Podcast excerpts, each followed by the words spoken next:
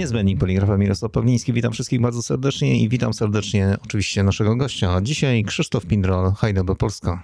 Dzień dobry, kłaniam się wszystkim. To zatem będzie dzisiaj naprawdę bardzo, bardzo gorąco.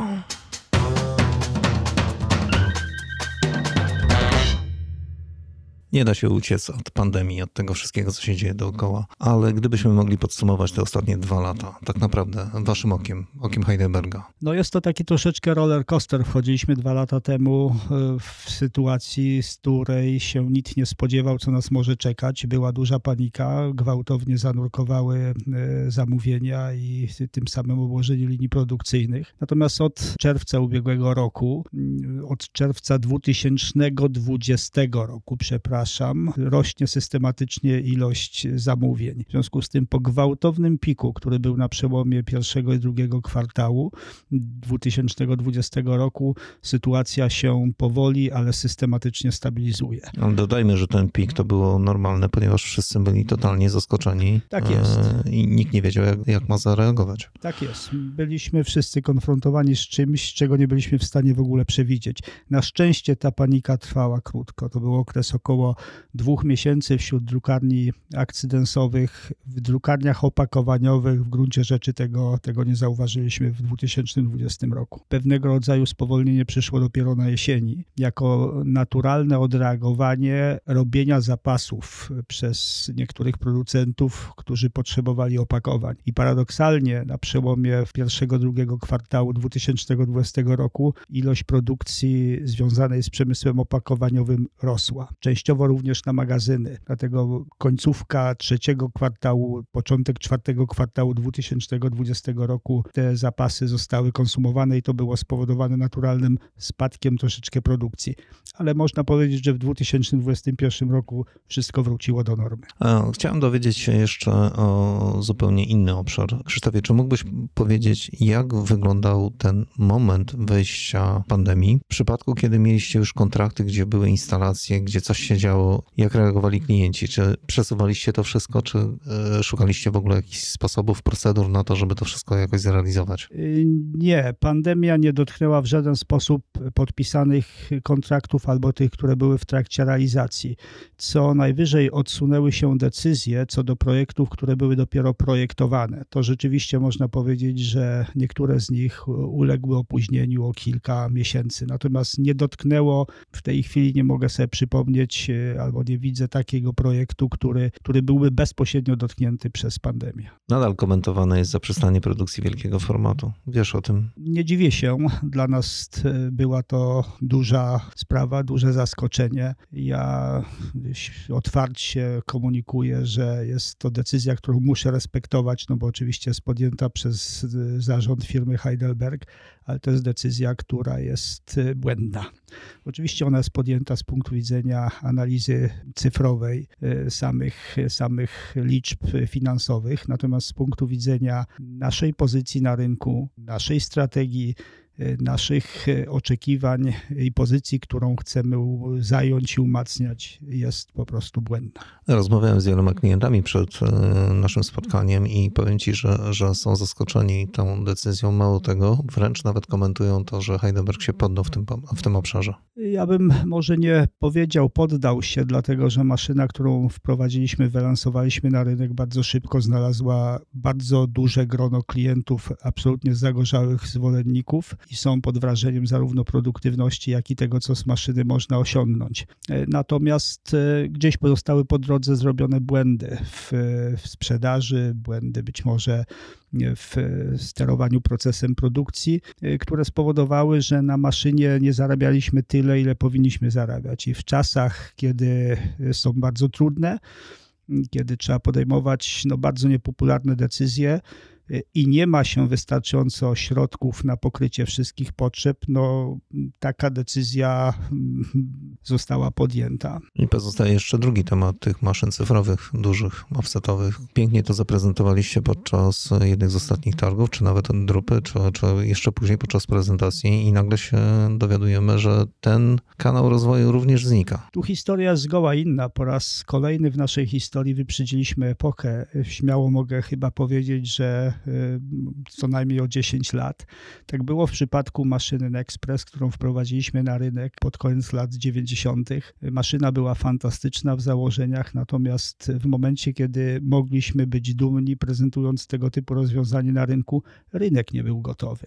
My jako firma również nie byliśmy gotowi z przedstawieniem prawidłowego modelu biznesu, względnie to potrzebowało czasu.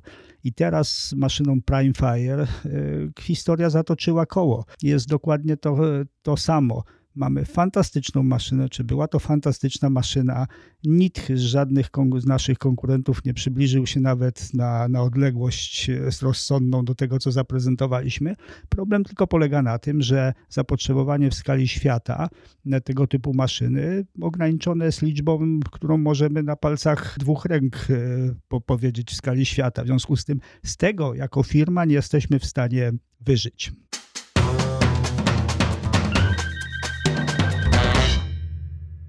Do grudnia wszystko było jasne, proste, przyjemne. Każdy wiedział, czego potrzebuje, w którą stronę rozwija firmę i jak to wygląda. I ten rynek mieliście całkiem nieźle spenetrowany, zgadza się? Tak nam się wydaje. Wszyscy dokładnie wiedzieli, w co inwestują, w jaki sposób się poruszają na tym rynku i tak naprawdę w którą stronę będą rozwijali dalej swoją drukarnię. No ale po czymś takim, co weszło na rynku pod nazwą ładu, nieładu, jak zwał, tak zwał, wszystko się wywróciło do góry nogami. I tak i nie, bo oczywiście Polski Ład dotyczy wszystkich przedsiębiorców, w tym y, branżę graficzną. W związku z tym tu nie jesteśmy może wyjątkiem y, na tym, y, na tym, w tym krajobrazie. To, co, z czym nasi klienci będą konfrontowani w ciągu najbliższego czasu, to są braki na rynku podłoży, papierów, kartonów do druku, bo to jest coś, z czym w najczarniejszych snach chyba nikt się nie liczył. Nie tyle Polski Ład może przewrócić, krajobraz e, i landschaft naszej branży, ile właśnie braki e, podłoży do druku które mogą spowodować, że po prostu ci, którzy nie mają środków na zatowarowanie się albo podjęli decyzję za późno, po prostu nie będą mieli brutalnie jak na czym drukować. Dosłownie kilka dni temu rozmawiałem z drukarniami, które wręcz postawiły magazyny ogromne i zatowarowały się na ilości papieru takie, że no, sami, sami, podsum- tak, sami podsumowali, że właściwie stali się hurtowniami papieru. Tak, y, widzimy, jesteśmy świadkami takich procesów, ale to będzie dotyczyło określonej, określonego grona, określonego procentu klientów. To są duże pieniądze, które trzeba zamrozić, to trzeba mieć powierzchnię. W związku z tym y, jakieś tam, jakiś niewielki procent naszych klientów może sobie na to pozwolić, natomiast na pewno nie dotyczy to większości. Jestem o tym absolutnie przekonany. Ale jeżeli ty patrzysz, y, Krzysztof, na, na ten cały rynek, to nie jest to dla ciebie trochę tajemnicze, irytujące, że nagle ni stąd, ni zowąd papier idzie w górę nie ma papieru nigdzie pod ręką. Brakuje różnych innych materiałów. Tak naprawdę to zaczyna dotykać całej branży, nie tylko naszej, tej, tej poligraficznej, ale też wszystkich innych branż. No oczywiście, że jest irytujące, ale no to nie mamy wpływu. My jako dostawcy, nasi klienci jako nasi odbiorcy, procesy zachodzą w skali globalnej, na które nie mamy najmniejszego wpływu. Y, kilka dni temu przeglądałem y, informację prasową opublikowaną przez Integraf, y, która odnosi się do strajków w państwach skandynawskich, która odnosi się do braku w łańcuchu dostaw, które mogą skutkować brakiem w zaopatrzeniu y, leków, y, środków y, spożywczych, innych towarów zaopatrzenia przemysłowego w wyniku radykalnego braku przerwania tych łańcuchów dostaw. Więc to są procesy, które dotyczą, można powiedzieć, całego przemysłu. I to jest coś, z czym no, nikt się w tej skali nie liczył. Jeżeli mówimy, jakie to może mieć reperkusje w ciągu najbliższych miesięcy, to właśnie to. Ale wydaje się, że, że jest to trochę dziwne i zaskakujące, bo po pierwsze, klienci są, zamówienia są, e, zdecydowanie tak. Natomiast e, no, to, czego brakuje, to brakuje materiałów, tak? Tak jest. I z tego, co już wiemy, to presja cenowa to jest może jedna rzecz. Presja płac pracowników to jest drugi taki element, który się pokazał w drukarniach i tu już mamy sygnał z wielu drukarni, że tego typu rozmowy toczą się albo są w trakcie i to zaczyna być naprawdę potężny problem, ale też już rozmawialiśmy z osobami, które zastanawiają się nad tym, czy w ogóle dalej ciągnąć drukarnię, czy rozwijać ten biznes. Po prostu. Jasne, oczywiście, ale to dotyczy całości procesów w gospodarce. Tu branża poligraficzna nie jest może czymś wyjątkowym. Inflacja, rosnące koszty pracy, y, brak pracowników, brak wykwalifikowanych pracowników y, dotykają wszystkich y, i my jako dostawca w gruncie rzeczy można powiedzieć mentalnie jesteśmy do tego przygotowani, bo już od wielu, wielu lat kolejne generacje maszyn, które wypuszczamy na rynek są tak przygotowywane, żeby były obsługiwane przez pracowników, którzy są coraz mniej wykwalifikowani.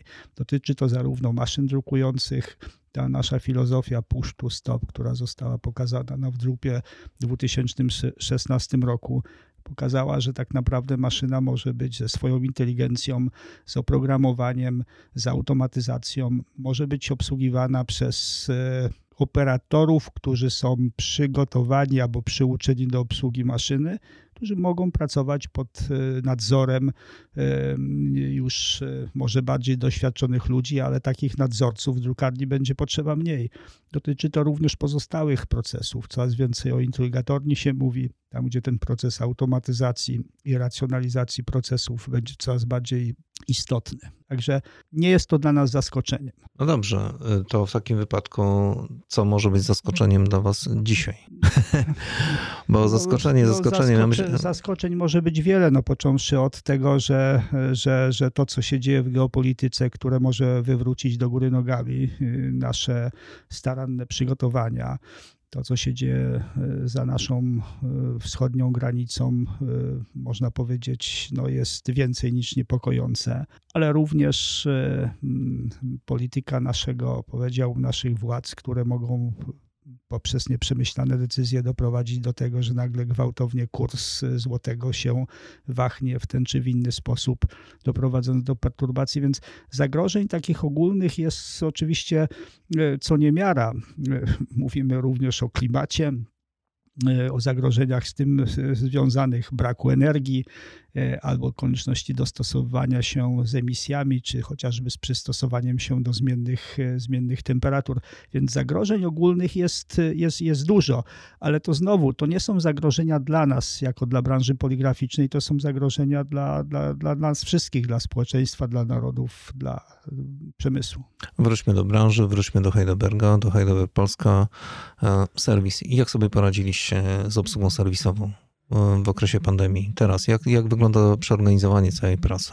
Mogę powiedzieć e, z dumą, że przez ostatnie 10 lat e, nie tylko udało nam się utrzymać e, sprawną organizację serwisową, ale udało nam się również rozbudować nasze struktury, czyli nie straciliśmy nic z naszej efektywności, z naszej sprawności. Natomiast mamy oczywiście świadomość, że potrzeby rynku rosną, że produkty są coraz bardziej skomplikowane staramy się nadążać za e, wymogami i postępem. E, nie do końca udało nam się zrealizować te założenia, które sobie postawiliśmy. E, w związku z tym jesteśmy w tej chwili na etapie dość intensywnego rozbudowywania struktur serwisowych, częściowo w połączeniu ze zmianami personalnymi, które mają miejsce. Półtora tygodnia temu dokonana została jedna z takich większych zmian w, tym, w, tej, w, tym, w tej dziedzinie zmiana na stanowiska szefa serwisu. Jest to kluczowa decyzja. Założenia, powód jest klarowny. Musimy być jeszcze bardziej efektywni, musimy być jeszcze bardziej e, sprawni. Musimy jeszcze szybciej reagować na potrzeby naszych klientów, po to, żeby w dającej się przewidzieć przyszłości być w stanie oferować serwis 24 na 7, żeby móc oferować serwis, który jest interdyscyplinarny, bo dzisiaj maszyna drukująca jest albo drukarnia jest nieprawdopodobnie złożonym mechanizmem. Maszyna drukująca to jest jedno, ale cały prepress, cała infrastruktura związana z IT poddatna na cyber, cyberataki, ataki hakerskie. Sporadycznie widzimy, jak niektórzy nasi klienci, którzy nie przykładają do tego wystarczającej wagi, są poddawani atakom, tracą dane. No i od nas potem też się wymaga, że, żeby pomóc zareagować na czas, żeby działać błyskawicznie. To są te kierunki rozwoju, które w przyszłości będziemy coraz bardziej intensyfikować.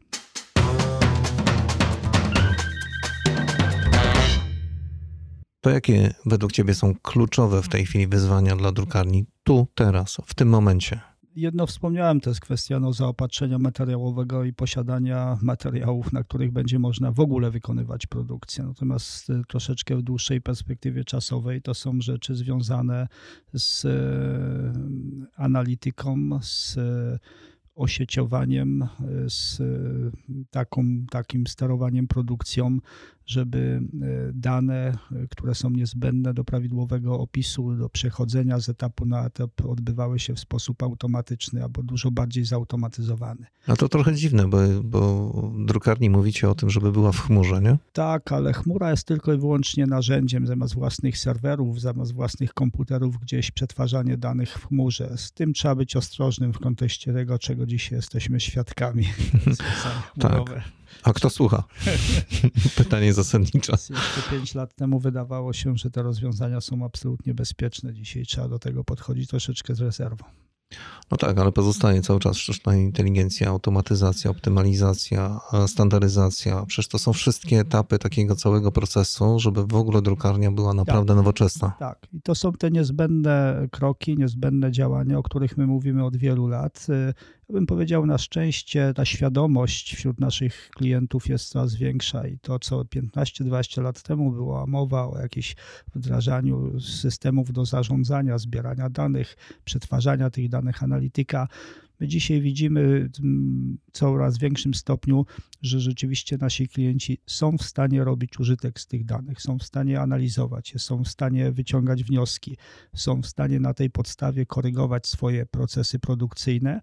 E, I to jest to, co, e, co z jednej strony jest na pewno wyzwaniem, ale z drugiej strony dostarczamy tych narzędzi, próbujemy uczyć, próbujemy edukować, próbujemy zachęcać i ja bym powiedział, jesteśmy, jesteśmy na dobrej drodze. To, co pytają klienci w pierwszym momencie, jeżeli, jeżeli przeglądają Waszą ofertę poza ceną. To kolejne pytanie automatyzacja, coraz częściej sztuczna inteligencja, czy te elementy, które są w stanie podpowiadać operatorom e, rzeczy, które doświadczony operator będzie wiedział, bo się nauczył, bo zdobył doświadczenie, natomiast ci, którzy są dzisiaj stawiani do środków produkcji, tej wiedzy nie mogli e, posiąść. W związku z tym te rzeczy, które są zapisane dzisiaj w programach sterowania, umiejętność wydobycia z tego, skorzystania, e, umiejętność interpretacji, interpretacji to są te rzeczy, które będą, e, są istotne i będą coraz bardziej istotniejsze w przyszłości. Trzy miesiące temu byłem w wielkopolskich drukarniach gościem i tam dwie drukarnie bardzo ciekawe, bardzo interesujące. Jedna absolutnie nowoczesna E, właściwie wszystko poukładane, technologia, nowe maszyny, urządzenia, pełny porządek. Widać, że jest to zupełnie inny duch, taki e, pełna nowoczesność. Oczywiście zamówień mają e, popachy, ujmując takim skrótem, E, nie są w stanie się wyrobić z e, pełną obsługą. No i oczywiście 30 km dalej zajeżdżam do drukarni, która również jest e, zapchana zamówieniami, natomiast wchodzimy do środka i to, co, to, co zauważyłem, to, to nawet nie mogłem zrobić zdjęcia do materiału, do artykułu, ponieważ no, trochę nie wypadało pokazać drukarni tak, jak wygląda, wygląda hala produkcyjna. Walające się papiery, uwaga, brak możliwości przejścia i w jednej i w drugiej drukarni wszystko poustawiane. Tylko tutaj y, totalny rozgardiaż i też pracują 24 na dobę. Niesamowite wręcz. I pytam się ich, czemu nie inwestujecie w inne rzeczy, w inne obszary? A czy nam to potrzebne? No właśnie, i to będą te elementy, które będą decydowały coraz częściej o tym, że ktoś odniesie sukces i zagwarantuje sobie szans, szansę przeżycia, czy nie. To jest kluczowe przy dzisiejszej konkurencyjności, przy spadających marżach.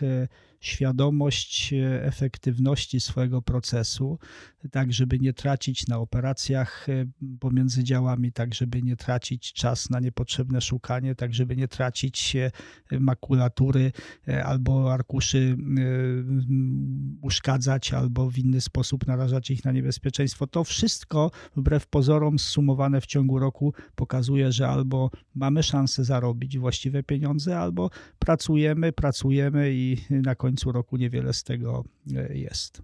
Także to będą te rzeczy, które są, dzisiaj już różnicują. E, nowoczesne drukarnie, a będą w przyszłości różnicowały jeszcze bardziej. No i dodatkowe wyzwanie, czyli po prostu brak pracowników wykwalifikowanych. Jak zwał, tak zwał. Po prostu brak kadry. Też automatyzacja, standardyzacja, ten taki flow produkcyjny jest, można powiedzieć, dłuższego czasu czymś normalnym w drukarniach opakowaniowych, dlatego że tu konkurencyjność i ta, ta globalizacja, która już zaczęła zachodzić 30-40 lat temu, po prostu wymusiła na tych drukarniach w miarę sensowne, optymalne przebiegi produkcyjne. Natomiast mówiąc o drukarniach e, akcydensowych, e, w niektórych przypadkach książkowych, tu jest na pewno jeszcze wiele do zrobienia. Ale przypuszczasz, że będzie to zrobione, czy po prostu te drukarnie zamkną? Ci, którzy się nie przystosują, po prostu nie przeżyją. I e, naszą, naszą powinnością jest w jakimś sensie również zwracać uwagę tym, którzy chcą, są gotowi słuchać i są gotowi zmieniać się. Ja wiem, że to teraz, co powiem, będzie dla ciebie zaskoczeniem, ale wczoraj przed naszą rozmową zaglądałem na strony internetowe niektórych drukarni. E, można byłoby powiedzieć, no, z czołówki drukarni polskich. No i to jest właściwie cały komentarz tego, co, co zauważyłem w stanie na, na ich stronach internetowych, bo one wiszą sobie, wiszą z ostatnich kilku lat, nawet, nie wiem, najstarsza chyba 2003, aktualności bieżąca, 2003. No i, no i o czym mamy rozmawiać? No. Dlatego wielkość drukarni w żaden sposób nie jest jakimkolwiek wyznacznikiem do tego, żeby zarówno dokonać chociażby oceny y, sposobu, w jaki drukarnia się prezentuje w tym świecie wirtualnym, ale również wielkość drukarni w sensie no, mocy produkcyjnych są takie, które są duże i są niezorganizowane, no bo kiedyś osiągnęły wielkość i oczywiście większej I sukces. I sukces. sukces. I, e, I na pewno zajmie to więcej czasu, żeby można mówić o zagrożeniu egzystencji. E, I są takie, które są e, małe, ale są dobrze poukładane i mają szansę na, na, na rozwój. W związku z tym tu nie jest w genach napisane, że ktoś, kto jest duży, przeżyje, a ktoś, kto jest mały, nie będzie miał szans się rozwijać. Na szczęście tak nie jest i widzimy, że, że, że ci, którzy rozumieją procesy, inwestują we właściwe kierunki, stawiają duży nacisk na właściwą organizację, na właściwą automatyzację, na właśnie umiejętność korzystania z interpretowania danych, korzystania z tych danych, na pewno będą mieli większe szanse przeżycia niż to ci, odejdźmy. którzy tego nie docenią. Tak, dokładnie. To odejdźmy na moment od tego tematu poligrafii. Jak to się stało, że Heidelberg sprzedaje urządzenia zupełnie z innej bajki? No, wynika to z prostego faktu. Jesteśmy jedynym producentem maszyn poligraficznych, który robił elektronikę na własne potrzeby od zawsze i w związku z tym mamy dużą halę produkcyjną, która jest wyspecjalizowana w produkowaniu najbardziej fikuśnych kart elektronicznych, skomplikowanych. Y, te karty albo powiedzmy te komponenty myśmy robili na potrzeby innych przemysłów, y, chociażby motoryzacyjnego od dawna. No i w momencie, kiedy y, modna stała się era samochodów elektrycznych, no ktoś wpadł na pomysł, dlaczego nie moglibyśmy budować ładowarek elektrycznych. Ale według ciebie to jest szansa, czy, czy to taka rysa na szkle, bo to wiesz, jednak przyzwyczajenia, pewnego rodzaju mentalność, e, spojrzenie, skojarzenia Heidelberg od zawsze, właściwie gdzie by nie spojrzeć Heidelberg, e, dróg. Rysa na szkle na pewno nie, natomiast jest absolutnie szansa. E, nie można tego przeceniać, bo to jest zupełnie inny segment naszej aktywności i to nie ma, nie ma nic wspólnego z naszą firmą, z działalnością i z, naszymi, z naszym codziennym postępowaniem. Natomiast to są, to jest elektronika, to są komponenty, które są sprzedawane zupełnie innymi kanałami sprzedaży dla tej części konsumenckiej, czy to poprzez e, platformy internetowe, czy chociażby przez Amazon. On. Natomiast jesteśmy w tym dobrzy i dlaczego nie moglibyśmy skorzystać z otwierających się szans? Na rynku niemieckim w szczególności, ale na innych rynkach europejskich jest, niektórych jest podobnie. Elektromobilność jest wspierana przez państwo poprzez zachęty, poprzez ulgi podatkowe, poprzez dotacje zakupu do nowego auta i widzimy, że to naprawdę przynosi sukcesy. My jako Heidelberg sprzedaliśmy w międzyczasie około 200 tysięcy ładowarek, więc jest to, jest to imponująca ilość.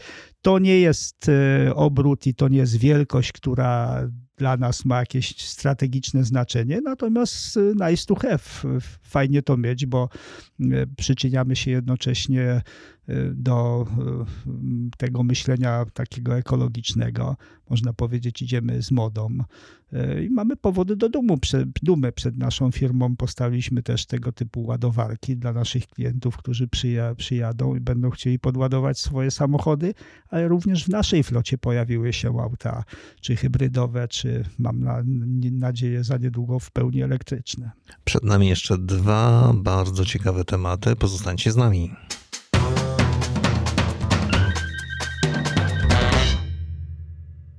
Galus. To jest ten pierwszy temat.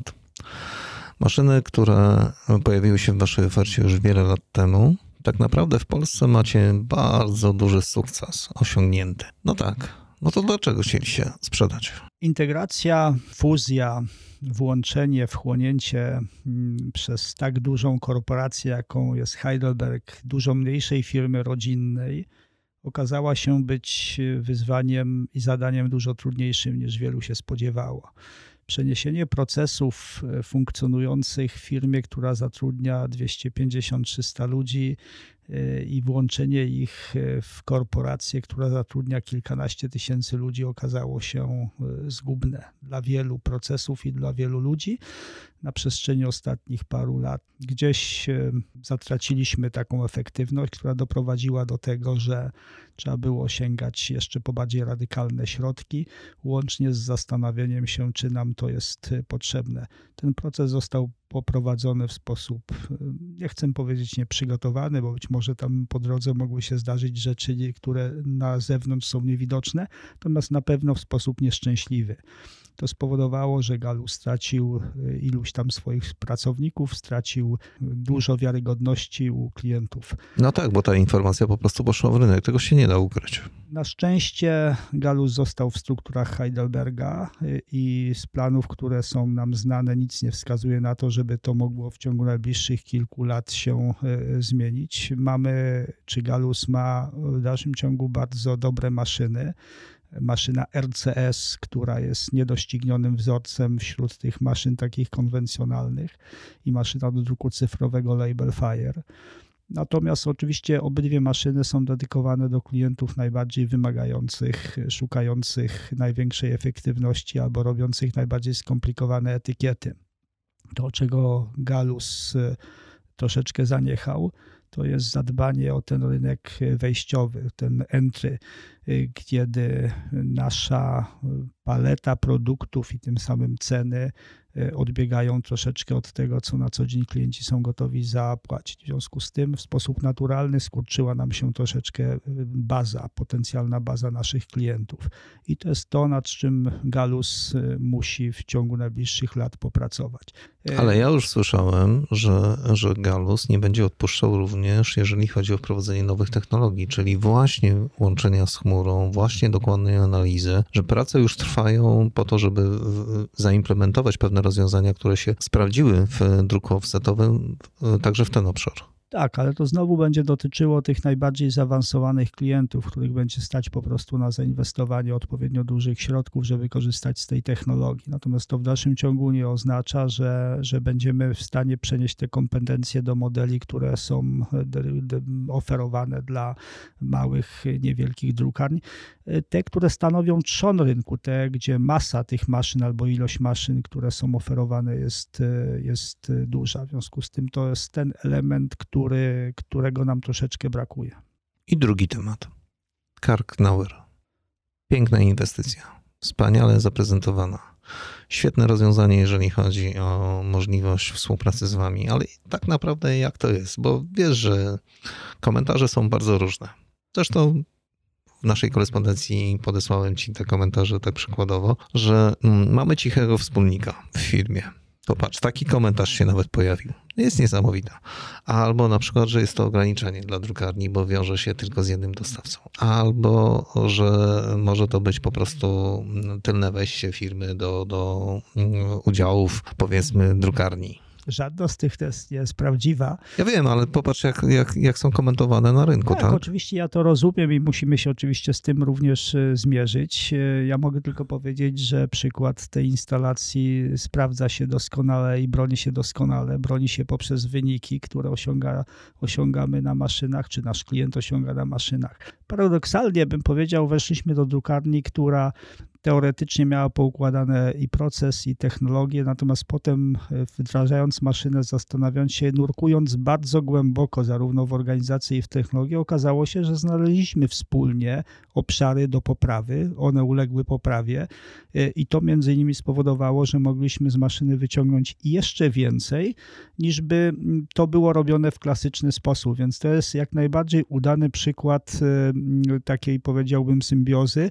otwartości, bo tu Y, bo tu w tego typu modelu sprzedaży albo biznesowym wymagana jest absolutna otwartość i transparentność. Ale wyjaśnijmy jeszcze, o czym mówimy. Mówimy o subskrypcji, mówimy czyli krótko rzecz biorąc, tak. tak. Czyli wstawiamy maszynę, znaczy wy wstawiacie maszynę y, do klienta i ta maszyna nie jest własnością klienta ale to nie ma znaczenia w przypadku maszyn, które są w leasingu. Maszyna też nie jest własnością klienta, więc to jest absolutnie wtórne. Różnica modelu subskrypcyjnego w naszym wydaniu polega na tym, że tak naprawdę zapewniamy klientowi komfort y, za nie tylko obsługi, nie tylko wstawienia maszyny i posiadania maszyny, ale przede wszystkim całościowy, całościową obsługę zarówno z punktu widzenia serwisowego, materiałów eksploatacyjnych, wsparcia, konsultacji, analityki danych, zastanawiania się, w rytmach regularnych co miesiąc e, analizowanie tych danych, wyciąganie wspólnych wniosków, formułowanie wniosków na następny okres i tak naprawdę e, potem możliwości śledzenia i potwierdzania lub dalszego korygowania. Czyli to jest taki proces, można powiedzieć, niezbędny, non-stop e, trwający, którego zadaniem jest wejście na bardzo wysoki poziom, jeżeli chodzi o wydajność i utrzymanie tego w sposób stały na następne kilka, kilkanaście miesięcy, czy tak jak w przypadku dużych maszyn przez okres pięciu lat. Żeby te, żeby ten element taki jednorazowy, który jest możliwy do uzyskania w każdych innych warunkach, nie był tylko jednorazowym epizodem, ale, ale żeby to było coś, co jest absolutnie trwałe.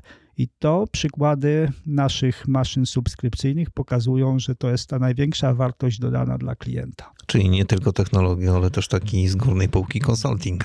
E, tak, dokładnie, dlatego że no, technologię można sobie nabyć, można powiedzieć, natomiast cała ta otoczka związana z prawidłową obsługą, czyli z jednej strony zapewnieniem prawidłowej obsługi serwisowej maszyny, to też można powiedzieć jest czymś na, na, nienaturalnym, bo każdy klient, który kupuje nową maszynę i podpisze z nami kontrakt serwisowy, ma zapewnioną, zapewniony wysoki y, komfort i wysoki poziom tego wsparcia.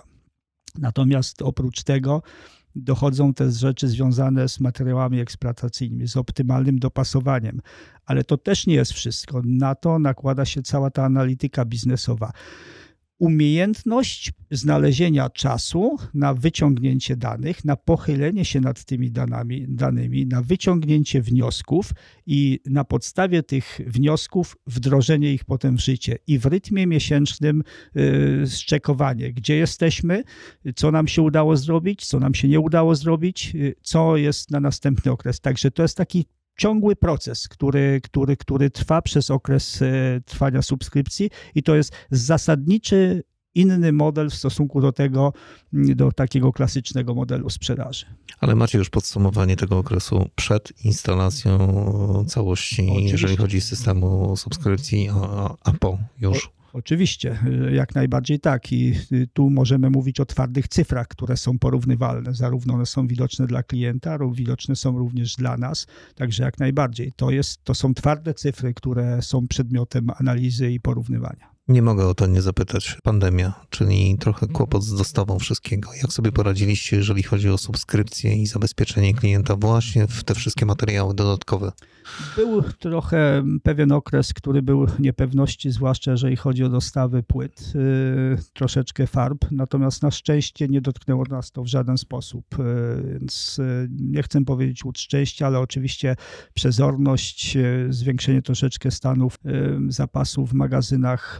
Uniknęliśmy yy, stresu, przestojów, yy, w stosunku do żadnego klienta nie zabrakło nam materiałów. Nie jest to jedyna instalacja w Polsce, jeżeli chodzi- o ten model biznesu. Nie, mamy dwie, y, dwie maszyny y, w tym modelu pracujące. Jestem przekonany, że w przeciągu najbliższych kilku miesięcy będziemy mogli mówić o następnej y, instalacji, o następnym kontrakcie. I zapewne o tym i o wielu jeszcze innych tematach będziemy mieli okazję porozmawiać wielokrotnie. Naszym gościem dzisiaj Krzysztof Pindral, Heidelberg Polska. Bardzo Ci dziękuję za czas poświęcony. To była bardzo ciekawa rozmowa. To ja dziękuję i zapraszam słuchaczy na następny odcinek. Mirosław Pawliński, niezbędnik poligrafa. Znajdujemy się w studio 3 po 3 Świat poligrafii profesjonalnej. Do usłyszenia.